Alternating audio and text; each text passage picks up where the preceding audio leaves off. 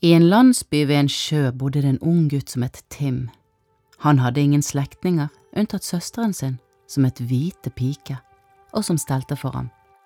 Ingen hadde noen gang sett Tim, men landsbyfolket kunne høre skrittene hans når han kom og gikk, og de kunne se sporene hans i snøen, men Tim selv var usynlig. En dag samlet Hvite pike alle piker i landsbyen til rådsmøte. Da alle hadde satt seg i sirkel rundt henne, sa hun, Min bror Tim vil gifte seg.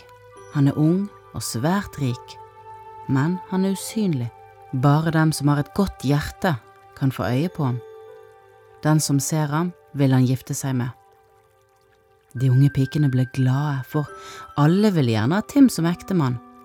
Hver dag ved solnedgang gikk en flokk piker ned til Tims wigwam ved stranden. Hvite piker ba dem inn, og så satt de rundt bålet og ventet. Etter en stund hørte de fottrinn, og forhenget ble slått til side, men ingen av dem så den som kom inn. Opp mot skogkanten bodde en gammel mann med de tre døtrene sine. De to eldste var gifteferdige, men den yngste var ennå et barn. Likevel måtte hun gjøre alt arbeidet, og hun fikk bare rester og ben å spise.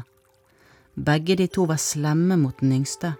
Den eldste kastet ofte kull og aske på henne, slik at håret ble svidd, og hun fikk brannsår i ansiktet. Derfor ble hun kalt Lille Skrubbnese. Faren visste ikke at søstrene plaget henne, og når han kom fra jakt om kvelden, spurte han hvorfor er ansiktet ditt så fullt av sår? Før Skrubbneset fikk sagt noe, sa den eldste alltid det er fordi hun går for nær bålet og faller, enda vi sier hun skal passe seg. En vinterdag da den første snøen falt, sa den eldste søsteren, Skrubbnese, hent sneglehushalsbåndet mitt og mokasinene mine, jeg vil gifte meg med Tim. Det gjorde lille Skrubbneset, og hjalp søsteren å kle seg. Ved solnedgang gikk den eldste ned til stranden, og hvite pike ba henne komme inn i Tims wigwam. Like etter hørte de fottrinn og lyden av en slede som ble dratt over snøen.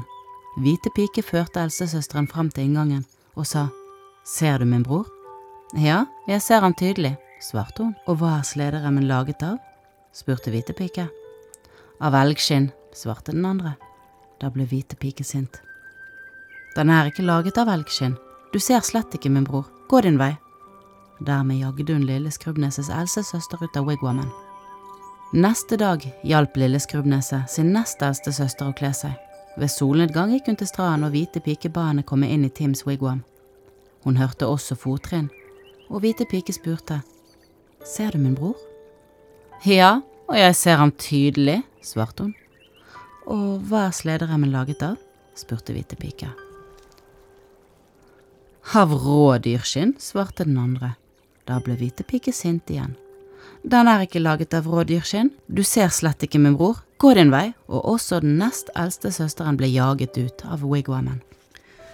Neste morgen satt de to søstrene og snakket sammen, mens lille Skrubbneset skurte gryter og bar ut aske og hentet inn masse ved til bålet. Så sa hun, Kjære søstre, lån meg halskjede og mokasiner, jeg vil også prøve om jeg kan bli gift med Tim. Men søstrene lo og gjorde narr av henne. Til slutt fikk hun et simpelt kjede av små sneglehus, men ingen mokasiner, så hun måtte gå i et gammelt, uttørket par etter faren.